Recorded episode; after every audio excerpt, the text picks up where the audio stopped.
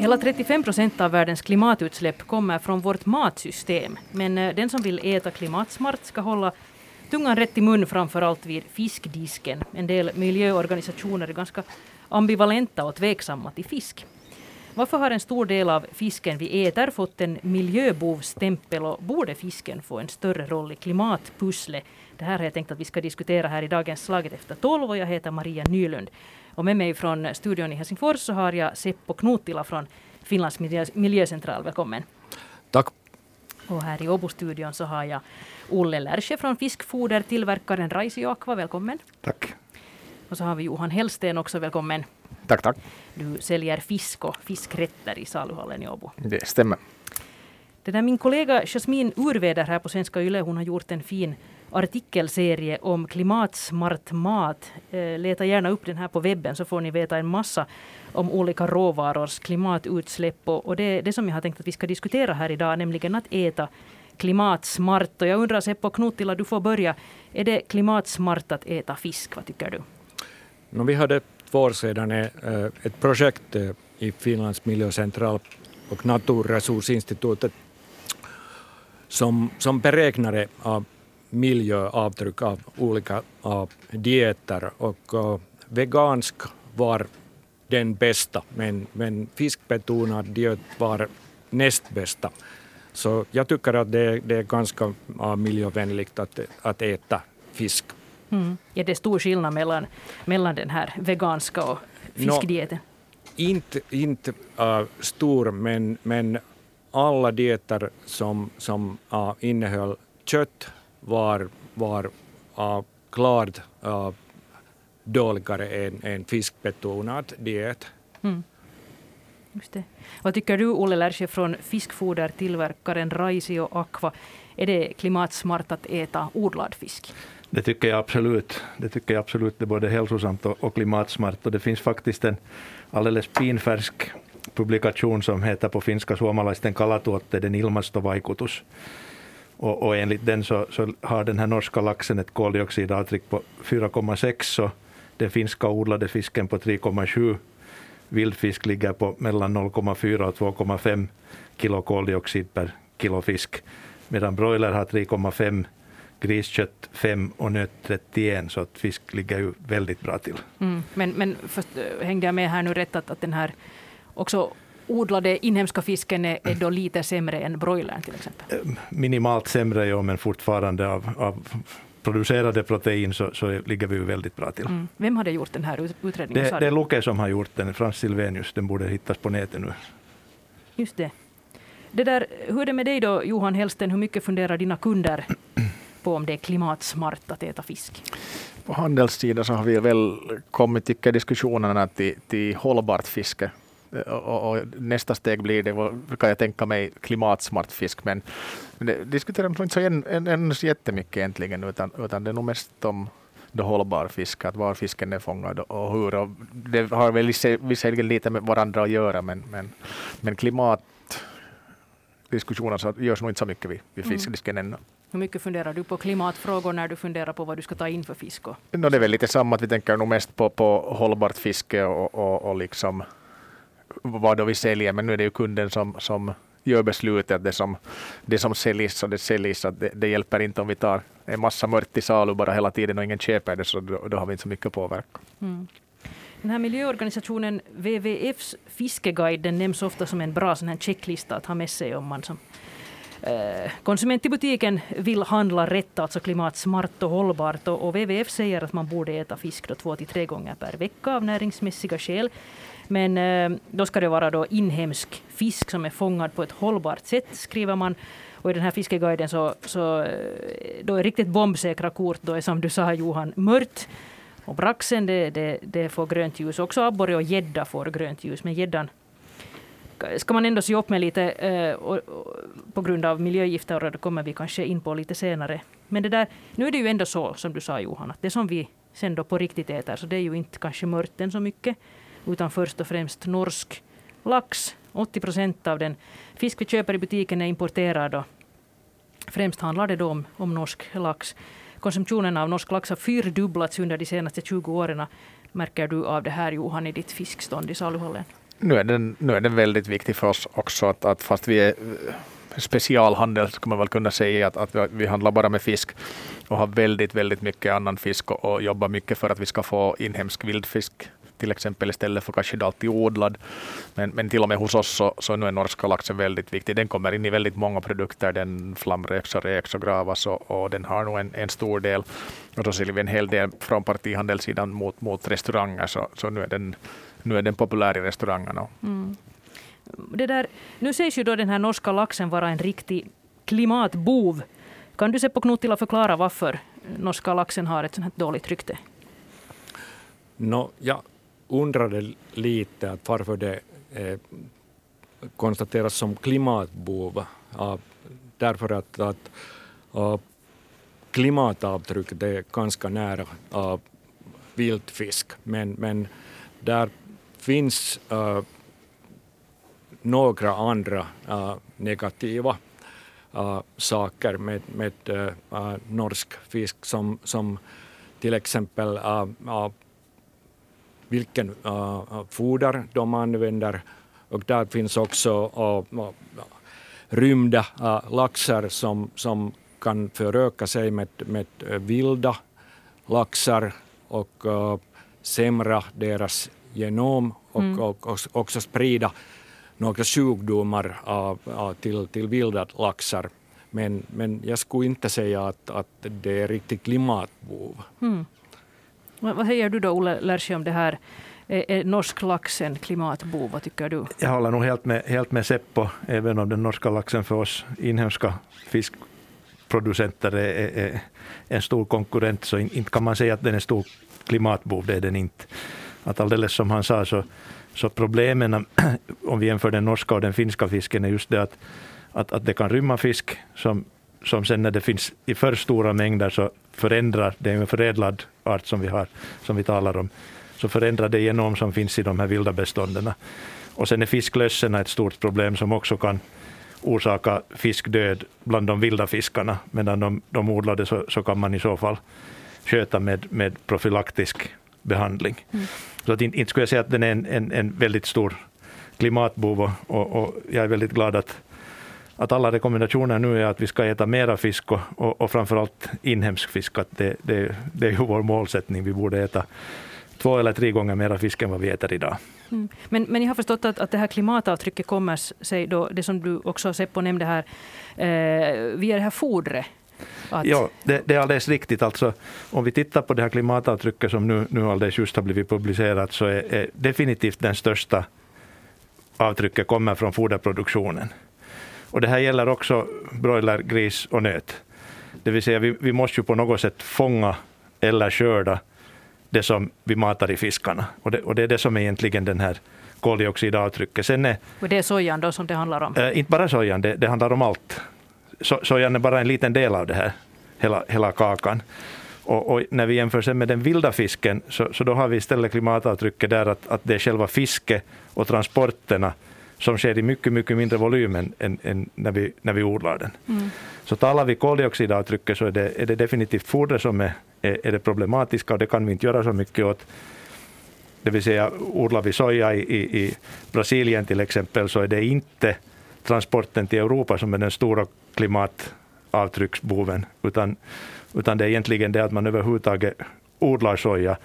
Och odlar man inte soja så skulle man använda någonting annat som har ett nästan lika stort klimatavtryck. Mm. Så, så då det gäller koldioxid så, så är det nog inte sojan som är problemet. Ah. Ja, när, det, när det gäller inhemsk vildfisk, uh, koldioxidavtryck uh, beror bara på hur mycket bränsle fiskbåtar använder. Just det, några andra avtryck finns inte. Nej. Men jag måste ännu reda ut det här nu eftersom det finns den här uppfattningen om att det är den här sojan som är den här det här stora problemet eh, för sojan i, i fiskfodret. Så, så det där, eh, där finns det ju då en lite större andel soja i det norska fodret har jag förstått jämfört med den inhemska. Stämmer det här nu? Det, det stämmer ju. De använder lite annat recept än vad vi har, vad, vad vi använder i Finland. Men, men, ja, om jag minns rätt på rak arm så, så kanske en 17-18 procent av, av foderinnehållet i Norge så, så är, är sojaprotein. Och i Finland är det? i vårt foder, jag kan ju inte tala för våra konkurrenter, men, men i vårt foder så, så låg det år fjol, alltså 2021, så hade vi ungefär 7 procent. Just det, så lite mindre då. Men Ja. ni tycker inte att den här sojan nu är ett så stort problem? No, no, jag, jag ser det inte. Det är två saker. För det första använder vi och har använt de senaste tio åren enbart certifierad soja. Det kanske vi pratar om senare. Vad betyder det att det är certifierat? No, no, det, det finns två olika certifikat, antingen Proterra eller RTSF. Och, och, och de här certifikaten så, så håller producenten, det vill säga den som gör sojan, så, så har, har certifierat sin produkt. Och det betyder att ingen äh, ny åker där den här sojan odlas har, har skapats sedan år 2008. Så det är gammal åker. Och, och här skulle jag vilja liksom poängtera det att det är ju inte sojan som är boven, utan det är det att man högg ner regnskogen som är det stora problemet. Och om vi inte odlar soja på den där åkern, så då odlar man kanske bondböna eller ärtor eller något annat. Och, och, och då blir det den som är boven istället. Att problemet var ju egentligen att man högg ner regnskogen, och det är ett problem. Det, det ska inte bestridas. Vad- vad- håller du med om det här Seppo och Knuttila om den här sojadiskussionen nu? Jo, jo, jag håller med. Det är just den, den uh, regnskogssojan som, som, som är dålig därför att, att, uh, att, att skogen uh, uh, avlägsnas bort och, och, och, och de, de odlar soja där istället. Mm. Men eh, håller du med om det också att om man använder sig av certifierad soja så är det, är det liksom bra då? Nå, det är nästan samma som, som någon annan råvara. Mm. Ärtor eller, Ja, eller bondböna som, Ja. som Olle Lerche nämnde här. Eh, jag såg här en, en, en svensk statlig undersökning från i fjol som var lite liknande som den här som du nämnde i början här Olle Lerche, den här som, som Luke har gjort om det här klimatavtrycket. Och där säger man att, att när man räknar klimatavtryck per näringsinnehåll istället för per kilo så har den odlade laxen lägst klimatavtryck av alla proteinformer. Alltså att man menar att den är så näringsrik att, att det väger upp då liksom det här ja, dåliga sidan på något sätt. Det kan stämma. Vi, vi är ju väldigt nära broilern nu också i den här utredningen. Och om inte jag tar miss så är det räknat på, på kilo kött, inte på, på det levande, levande djuret. Så, så det där. Men fiske överhuvudtaget är både hälsosamt och effektivt. Och orsaken är ju den att fisken är, är, är fruktansvärt effektiv att, att utnyttja protein eller foder överhuvudtaget, för den är kallblodig. Medan alla andra djur som måste värma sig själv till 37, 38, 39, 40 grader hela tiden. Och orsaken till att broilern klarar sig så bra är det att en, en, en broiler idag så den har levt i 39 dagar. Medan en, en gris lever kanske ett år eller, eller mera och samma gäller nöt. Medan en fisk lever i, i, i kallt vatten eller samma temperatur som, som vattnet har och, och den lever i tre år. Så därför är inte fisken lika effektiv som broilern eller på samma nivå fast broilern är varmblodig. Mm, just det, men att när man ska producera den här värmen så ja, krävs Ja. det en massa e- energi. Och så rör de sig i, i tre år istället för i, i, i 30 dagar. Ja. No, vi var säkert inne på det här, men alltså, eh, nu har ju då den här inhemska regnbågsforellen ändå ett, ett bättre klimatrykte. Åtminstone WWF tycker att, att, att man hellre ska välja den här inhemska odlade regnbågen jämfört med norsk lax. Eh, de matas ju nu då båda med soja. Vad är den här stora skillnaden, Olle Lärsjö? No, no, en av de här allra största skillnaderna när, när det gäller WWF är ju, är ju det att, att vi har inga problem med, med rymlingar. Den regnbågen som odlas i Finland så är antingen så är den steril eller också om den inte är steril så, så är det sån fisk som inte kan föröka sig i Finland. Det vill säga den, är, den, den klarar sig inte. Man har ju planterat regnbåge i gudarna vet hur många år för, för sportfiske men, men vi har inte ett bestånd som skulle föröka sig själva. Det, det har hänt spontant några gånger men, men de dör ut inom en eller två generationer alltid. Så, så det, det är en sån där jätteviktig aspekt att vi får inte påverkan av, av rymlingar. Mm. Och, och sen det andra som, som också är viktigt är det att, att det foder vi använder idag, det fiskmjöl vi använder idag, så det härstammar från Östersjön. Och här har vi ju ett, ett jättefint kretsloppstänkande. Så, så i, i dagens läge så tas det med den fisk som fångas, den strömming, vassbuk som fångas som man gör fiskmjöl av, upp lika mycket fosfor som det sen kommer tillbaks med fiskodlingen, till och med lite negativt. Så vi tar upp mera för att göra fodret än vad det kommer ut från regnbågen tillbaks. För regnbågen binder en del. Vi ska helt snart komma in på det här med strömmingen, men jag vill fråga dig Johan Hellsten om, om det här med norsk lax och regnbåge. Är, är de liksom, kan de konkurrera med varandra? Är de lika bra enligt dina kunder? Uh, enligt en del. Men, men det där så inom de senaste tre, fyra åren från vår synvinkel så har, så har regnbågslaxen nog blivit mer och mer populär. Men jag tycker på något sätt att vi skulle kunna ha mycket, mycket att göra ännu i Finland för att få upp imagen för den. Den har kanske lite för dåligt rykte på något sätt jämfört med jag vet inte om norrmännen har, har deras, deras reklamen har gjort bättre jobb på det sättet att den har på något sätt bättre rykte för själva fisken tycker jag är nog precis lika god. Men den håller nog på att bli mer och mer populär hela tiden, regnbågslaxen. Mm. Regnbågen är ju lite mindre fet än, än, än laxen är. Ja. Seppo Knutila, om man nu hör här på, på, på det där på Olle Lärsjö till exempel så, så låter det som att att, att det största problemet just är de här rymlingarna. Så ur klimatperspektiv borde det inte betyda att både ja, norsk lax och inhemsk regnbåge är, är lika okej okay ur klimatperspektiv. Och sen finns det då det här rym, rymlingsproblemet i Norge. Eller, eller hur skulle du summera det? No, jag håller med Dolle. Inhemsk regnbåge är, är bättre just därför att, att, att, att dessa rymlingar uh, orsakar inte, inte problem därför att, att de kan inte äh, föröka med någon vilda äh, äh laxarter vi har i Finland därför att det är främmande art här. Ja. Eh, nu påminner ju också miljöorganisationerna om att fisken borde vara certifierad. Precis som du talar om certifierad soja så ska också fisken vara certifierad för att man ska vara säker på att den är hållbar. Och då finns det då det här MCS-certifierad som gäller då vildfångad fisk. Eller så kan det också eh, finnas sån här ACS. Nej, ASC. ASC, förlåt. Och, och MSC. MSC och ASC, det var svårt det här. Nå, men den här AS, ASSCn. den, den gäller då för odlad fisk. Och, och vårt foder har varit i tre år nu kompatibelt, det vill säga det har inte funnits ett, en foderstandard och finns inte ännu heller. Men det finns uh, foderstandard nämnd i den här certifieringsstandarden för, för odlarna. Och enligt den så är vi godkända och, och också certifierade för det. Men har det någon praktisk betydelse för miljön det här nu? Uh, så tillvida att, att den här odlaren så, så måste uppfylla vissa krav som, där miljön också tas i beaktande. Att, att, att man får inte ha för, för hög foderkoefficient. Den, den, han ska ta hänsyn till miljön på, på många olika sätt. Så det, det har funnits ett, ett system för att certifiera regnbåge. Det finns för varje art ett, ett eget system. Och det har gällt uh, sådana halvcirkulerande odlingar i sötvatten och så finns det för nätkass i havsvatten och med hav menar vi Atlant 35 promille. Och det har inte gått att certifiera en odling, nätkasodling i, i havet i Finland. För vi har 6 promille och det är varken sött eller salt. Och det, här, det här har vi talat med den här Council i, i många år att, att vill, vill ni ha certifierad fisk så måste ni ju hitta på ett system för det.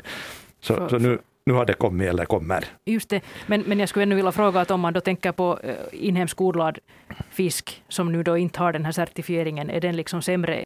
No, det skulle jag inte direkt säga.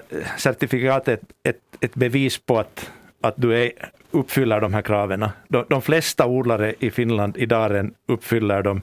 Och sen är det ju en kostnadsfråga också. Det, det vill säga det, det, kostar flera tusen euro att, att certifiera och den här certifieringen ska göras varje år och vart tredje år en, en lite större undersökning. Så, att, så att det, är inte, det är inte helt problemfritt. Det, det krävs en viss volym för att få det certifierat. Ja. No, men vi ska prata om strömming också, för du Seppo Knutila, du tycker att vi borde äta mycket mera strömming. Varför är strömmingen så klimatsmart? No, det har visat att, uh, att på global nivå, de, de fisk, fiskearter som, som kan kallas som flockarter, som, som uh, du kan mycket effektivt uh, fånga stora mängder. Deras uh, klimatpåverkan och också andra, andra uh, miljö, miljöavtryck det är den minsta. Och, och strömming är, är ett bra exempel om, om en sådan art, att du kan fånga stora mängder uh, med en båt och, och, och uh, till exempel uh, uh, koldioxid uh, uh avtryck är mycket liten och också närings, näringsavtrycket är liten. Så därför är det, det är bra att, att använda mer uh, strömming. Vi har också den största potentialen i, i strömmingen. Uh, över 90 procent av, av för, uh, fångsten från Östersjön är, är strömming. Men i samma tid uh, bara 3 procent eh, går till, till direkt som, som människoföda. Mm. Och resten går sen då till djurfoder? Mest, mest till djurfoder. Mm. Förstår dina kunder, Johan Hellsten, att strömming är jätteklimatsmart? Nu har det blivit svårare och svårare att sälja då helströmming eller, eller kanske till och med strömmingsfilé. Men sen igen på, på den andra sidan i vår restaurang när vi har färdiga portioner av strömming så det är alltid den mest populära. Att det går nog väldigt mycket åt som färdig. Men mindre och mindre så, så köper tycker jag folk hem och lagar och ofta så är orsaken när det diskuteras att nah, det är nog ganska gott men det doftar så kraftigt så vi vill inte laga det hemma. Hela huset luktar strömming. Eh, no, jag, jag tycker det doftar när man lagar mat men det här är liksom det här är det, det som man mest hör att varför inte, inte folk lagar eller då säger att kanske vi lagar på sommaren ute på stugan. Men, men, men det har nog liksom det har minskat. Just det. Ja, det har minskat kraftigt. 30 år sedan av, av, av vi använde tio gånger mer strömming än nu för tiden. Ja, varför är det så, Seppo Knutila? No, kanske människorna tänker att det, det är finare att, att äta lax som, som laxfilé. Och vi har uh, mer pengar att, att, att använda till, till uh, uh, mat och, och kanske, kanske några, några av oss tänker att det är inte så fint att, att äta, äta strömming. Mm. Ja, 3 procent av den fångade strömmingen då går till, till direkt liksom, föda på våra tallrikar och, och resten blir då foder, bland annat fisk foder. Eh, vi talade om, om det här fiskfodret här för en stund sedan och för sex år sedan så startade eh, Salmon Farm i Kasnäs upp landets första och vad jag vet fortsättningsvis enda fiskmjölsfabrik som då tillverkar fiskmjöl av den här fångade strömmingen. Och det här mjölet använder ni då sen när ni lagar fiskfoder. Det, det, är alldeles riktigt, jo, vi, det, det använder vi och, och, och, största delen av vårt fiskmjöl kommer från Karsnäs. Det har det gjort och, och, tack vare det så får vi då det här kretsloppstänkande också på fodret så att, så att det är en, en viktig del av vår, i, i vår produktion. Förklara nu ett nötskal vad det är som är så genialt med det här fiskmjölet. No, no, det är just det att, att no, när du äter ett kilo regnbågslax så äter du egentligen ett kilo strömming. För det är ganska precis ett kilo strömming som det gick åt att göra den mängd fiskmjöl som vi sätter i fodret. Plus lite soja då? Plus lite soja och lite vetegluten och, och allt möjligt annat. Där är jättemassor. Vi har väl ungefär 30 komponenter i, i, i fodret idag. Men, men det där fiskmjölet är fortfarande för, både för smakens skull den absolut viktigaste och sen är ju också de här hälsosamma fettsyrorna, EPA-DHA, så de kommer bara från marina produkter. Det vill säga den, den, det som finns i fodret och det som vi får i oss, allt produceras i havet, kommer antingen från fiskolja eller via fiskmjölet som också innehåller en del fett. Och det här, det här fiskmjölet används då av så gott som alla fiskodlingar i Finland? Förstår uh, eh, no, nu kan jag igen inte prata för vad våra konkurrenter gör, men, men vi har ungefär halva, halva marknaden och, och, och våra kunder åtminstone har det. Att vi har också ett, ett brand, Benella regnbåge, och, och de som säljer fisk, sin fisk som, som Benella till, till till exempel då Åbo saluhall här, så, så de har gjort kontrakt med oss på att de garanterat använder sånt sånt foder som vi har producerat och som, där vi också har använt det här Östersjöfiskmjölet. Vad tycker du Seppo Knutila om det här att strömming då görs om till fiskmjöl som producerar odlad regnbågsforell? Är det här nu klimatsmart och fiffigt? No, jag tycker att det, det är klokt därför att uh, även om man, man kunde öka uh, uh, användningen av strömming som människoföda, uh, där finns gränsen. Och att, att eh, göra eh, fiskmjöl eh, av strömmingen, du kan ta bort dioxinen och det finns därför ingen gräns att, att använda regnbåglax som har ätit fiskmjöl, foder av, av strömmingen därför att där finns ingen dioxin. Så jag tycker att det är en, en viktigt medel att, att använda äh, för stor strömmingresurs äh, i Östersjön, att, att, att, att göra äh, foder för regnbåglax. Mm, man förvandlar liksom strömmingen till, till regnbågs, regnbågsforell istället. Det här, strömmingen har ju lite dåligt rykte just i och med det här, de här dioxinerna som du nämnde. Enligt de här näringsrekommendationerna så ska ju barn och unga och kvinnor i fertil ålder äta strömming max en till två gånger i månaden. Eh, det där, men, men det här tar man ju bort i de här fiskmjölsfabrikerna. Hur rent blir det här fiskmjölet från de här dioxinerna? Det, det, blir väldigt rent. Man kan ju inte säga förstås att vi får bort 100 procent. Det, det, det, gör man inte, men, men, men, väldigt nära en god bit, god bit över 90 procent. Och när vi har analyserat sån fisk som är odlad med det här fodret, så för att komma under den här rekommenderade veckointaget eller årsintaget, så borde en, en, en kvinna i din storlek äta 20 kilo eller kan äta 20 kilo regnbåge i veckan. Och, och då tror jag att den gränsen för regnbåge också kommer emot. Så att, så att det, det är inte ett problem. Tyvärr är det ju så att dioxiner finns lite överallt. Den här metoden som används så, så renar egentligen den här fiskoljan eller fiskfettet. Och, och, och det används också på, på landväxter. Inte här hos oss i Finland, men, men på andra ställen så, så är oljeväxter ett problem med dioxiner och måste renas. Hur är det, vad säger du Johan om dina kunder? Strömming omvandlas till odlad regnbåge. Är det, vad tycker du, är det fiffigt? Det är väl fiffigt åtminstone på, på, på det sättet att om, om, om det som folk vill ha då är det ju väldigt realistiskt att, att vi kan ju hoppas och önska att det, det skulle göras på ett sätt, men görs det inte och vill inte folk ha det så är det liksom orealistiskt att vänta sig det. Att, nu känns det ju väldigt, väldigt, väldigt smart det nog. Mm. Och det var ju musik för mina öron det här med, med 20 kilo per, per vecka, så det, det tyckte jag väldigt mycket och, och, och, när vi talar om, om strömmingskonsumtionen så, så vi finländare äter 14-15 kilo fisk i år och 300 gram strömming. Så där Seppo slår helt, helt huvudet på spiken där att det, det, det är precis så vi borde äta mera strömming men det vill vi inte. Mm. Och det märks, jag tycker det börjar märkas väldigt tydligt till exempel i, i, i sån här säsong som, som jul eller, eller midsommar eller någonting. Så, så det, har, det har nog minskat liksom där också. Det är bara liksom själva fisken som, som hel eller som filé utan också produkterna av det, saltad strömming och, och, och, inlagda strömmingar och sånt som, ja. som minskar ur vår synvinkel. Och det är ett jättebra sätt att få in de här proteinerna och framförallt de här hälsosamma fettsyrorna i näringskedjan på nytt till oss människor som, som föda istället för att mata dig i pälsdjur eller, eller göra något annat av det. Mm, jo, exakt. Det där, vi kan nu några minuter hinna diskutera övrig vildfisk. Tyvärr eh, fiskas det ju ganska lite vildfisk i Finland. Det är jättesvårt att hitta en abborrfilé i butiken och hittar man den så kostar den lika mycket som en inre filé mer eller mindre. Då pratar jag om nötkött. Det där, eh, WWF flaggar för mört och braxen eh, bland annat, men, men det här är ju väldigt rysligt, väldigt rysligt, rysligt beniga fiskar. Vad säger du Johan Hellsten, finns det alls någon efterfrågan på det här?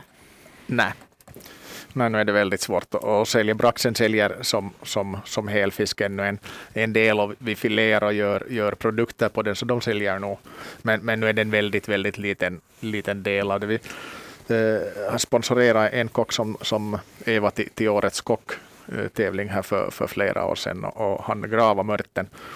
Och, och vi filerade den åt han och han gravade och det blev hur bra som helst produkt. Men när vi räknade ut det där att, att vad det skulle kosta om vi skulle sälja det så skulle det ha blivit lite dyrare än jäsen i disken att ha som filé. Så då förstår man ju att, att man har fisk som kostar kanske 50 cent eh, mot jäsen nästan 20 euro per kilo. Och så säljer man bredvid då som filé som kostar lika mycket. Så det, det, det blir för mycket jobb för helt enkelt. Och, och och bearbeta ut dem för att de skulle kunna gå och sälja. Och vi har nog försökt ganska mycket till och med också, att om vi skulle kunna hitta på eller göra någonting med hela mörtar och försöka sälja. Men, men jag, jag är nog inte riktigt tillräckligt skicklig köpman för att bli av med dem. Mm, ja, där, där är ju en sån sak också att, att volymerna räcker inte. Precis som Seppo sa i början, så det är strömming och vassburk vi har. Men, men tar vi alla mörtar och, och, och vraxen som vi har, så vi pratar kanske 3000 ton, vilket är lika mycket som vi äter idag strömming och jämfört med, med, med strömmingsbeståndet som fiskas som är 100 000 ton, det, det är 97-98 procent som är strömming och vassbuk. Det, det är där volymen finns och det kan vi inte göra någonting åt för vår natur producerar helt enkelt inte de där fiskarna. Mm, så du menar att med det här talet om att äta mera vildfångad fisk i, i Finland så är, är det... Nej, jag skulle inte säga att det är helt att kasta yxan i sjön men, men det är svårt. Det, det, det krävs resurser och, och, och, vi, måste, vi måste faktiskt liksom fundera. Vi kan ju inte heller fiska slut den fisk vi har. Mm det, det, ska vara på en hållbar nivå. Ja, jag tänkte säga att då sätter man likhetstecken med strömming då kanske. Ja. Att det är det man... Det, just det. Men fiskindustrin har ju fått upp ögonen nog lite för mört och braxen om man tillverkar nu fiskbullar och, och sådana här fiskbiffar till, till skolor bland annat av, av det här. Vad tänker du Seppo Knutila om, om liksom utvecklingen? Tror du att, att, att mört och brax kommer att hitta fram till våra tallrikar? Och just konstaterar vi att det finns inte så hemskt mycket av den sorten. Det är sant att, äh, att utom strömmingen och och vassbok, äh, bara mörtfiskar som lax och mört och några andra finns äh, potential att öka fiske. Men, men jag förstår att det, det är mycket svårare att, att, äh, att äh, äh få tillräckligt massa för industrin. Men, men där finns eh, ganska många positiva tecken. Till exempel i skärgårdshavet havet har varit Eh, eh en så kallat närfiskprojekt. Eh, John Nurminen stiftelse har haft några fiskare som, som avtalfiskare som har fiskat bara brax och mört och Kesko säljer den, den här skärgårdsfiskbiffar av, av brax och jag har förstått att, att uh, mottagningen uh, har varit ganska bra, till exempel i skolor. Mm, just det, att bara man gitter tillreda den då säkert så, så ja, är det väl helt okej. Man, man behöver färdiga produkter. Det, det är mycket svårt att sälja hela fisken, braxen, till människorna nu för tiden. Jag värderar braxen, det smakar gott men, men det är ganska uh, få människor som, som, som äter hela braxen nu för tiden. Mm. Den är ganska svår att hantera, eller jag klarar åtminstone inte av att bena den sådär snyggt. Det här, eh, jag tänkte ännu fråga om en annan fisksort som också eh, är, är, är grönlistad enligt WWF och det är gäddan. Eh, men, men det är ju en sort som, som barn och unga och personer i fertil ålder också ska akta sig för lite. Högst en till två gånger i månaden får man äta gädda. Vad tänker du Seppo Knutila om det här att hur ska man tänka som konsument? Det, det är ändå lite obehagligt att äta en fisk som, som är så här reglerad. No, I samma tid man, man måste minnas att, att, att där finns ganska få arter som är reglerade som, som ströng, lax, viltlax i Östersjön, öring och just gäddan. Men, men i praktiken alla andra fiskarter är oreglade. Man kan äta så mycket man vill. Så jag tycker att det är inte så, så stort problem. Mm. Vad kan vi nu ännu säga om fiskens framtid? Vad tror du, Olle Lärske, om det? Vi vet nu alla att vi borde dra ner på köttkonsumtionen. Vad tror du att det betyder för efterfrågan på fisk så där på sikt? No, jag, jag, jag, hoppas att efterfrågan ökar. Det, det, det, är helt klart att vi har, vi har alldeles nyligen i, i veckan fått en ny vattenbruksstrategi som är godkänd av statsrådet som, som strävar till att vi ska öka odlingen av fisk till det tredubbla före år 2030. Och, och, och, det blir bråttom för att, för att det tar tre år att producera dem. Så att jag hoppas de här nya tillstånden på sådana ställen där, där, där, miljön håller det, det vill säga längre ut och inte inre skärgården, så, så, så kan beviljas. Och, och, och, där som enda lösningen så ser jag att vi använder ett så kallat kretsloppsfoder, det vill säga att vi gör, gör fodret där fosforn och, och kväve härstammar från Östersjön. Alltså så fiskmjölet från Karsnäs? Fiskmjölet från Karsnäs till exempel. Just det. Att det, det betyder ju en massa mera fiskodling, eller det, det betyder att fisk. Ja, den ska tredubblas ungefär, det, det är målsättningen. Att i, så som situationen är idag så, så rinner det ut en miljon euro om dagen från Finland för fisk. Vi importerar för en miljon mer än vi säljer. Och, och det här är ju inte liksom riktigt bra för nationalekonomin. Vad tänker du se på Knutila om, om vad, vad, vad miljön tycker om att, att tredubbla fiskodlingen? No, om, om man uh, mest uh, ökar odlingen äh, på land, så, så, så kallade recirkulationanläggningar, det skulle vara bättre än, än att bygga mer i Östersjön. Även om, om man uh, använder uh, strömmingbaserat uh, foder. Mm, men det, det, finns väl inte riktigt ekonomi i det här? No, jag tror att det, det ökar. Uh, till exempel i Danmark och Sverige har, har varit stora projekt där uh, ganska sistone, på sistone. Mm.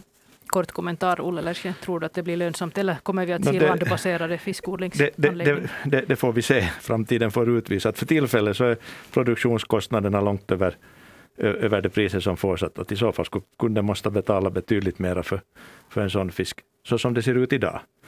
Men, men vad, vad, vad till, framtiden för med sig så får vi nog se sen att det, vi säljer naturligtvis foder till, till alla som, som, som vill ha det. Så det, för oss är det inte ett problem. Men, men, men det där ekonomin måste man ju få skickat. Mm. Ja, på Åland har man ju bland annat försöker man sig på det här men det har ju inte riktigt artat sig ännu så hemskt bra. Vad säger du Johan Hellsten om det här? Nej, det var just, just i nyheterna att inte var det sådär väldigt, eller stora siffror var det men, men det var ju inte positivt märkta siffror från, från Ålandsnyheterna. Så nu, är det ju, eh, nu ska man tro på framtiden och vara beredd. Och, eh, det skulle ju vara väldigt fint om man skulle få det att funka. Det, det skulle kunna vara framtidens sätt att, att, att, att odla fisk, men, men inte vi vill riktigt där ännu. Nej. Är kunderna beredda att betala mera tror du? Uh, nu tror jag att det finns säkert en liten chans åtminstone en del av, av kunderna att, att vi, vi, vi, vi ser ifrån en specialaffär och från vår vinkel, men, men uh, stora massorna så, så kan ju vara en annan fråga. Mm. No, men vi ska avsluta vår fiskdiskussion här. Tusen tack till er som var med. Seppo Knutila från Finlands miljöcentral, Olle Lärske från eh, Raisio Aqua och Johan Hellsten som är fiskhandlare i saluhallen i Åbo. Och jag heter Maria Nylund.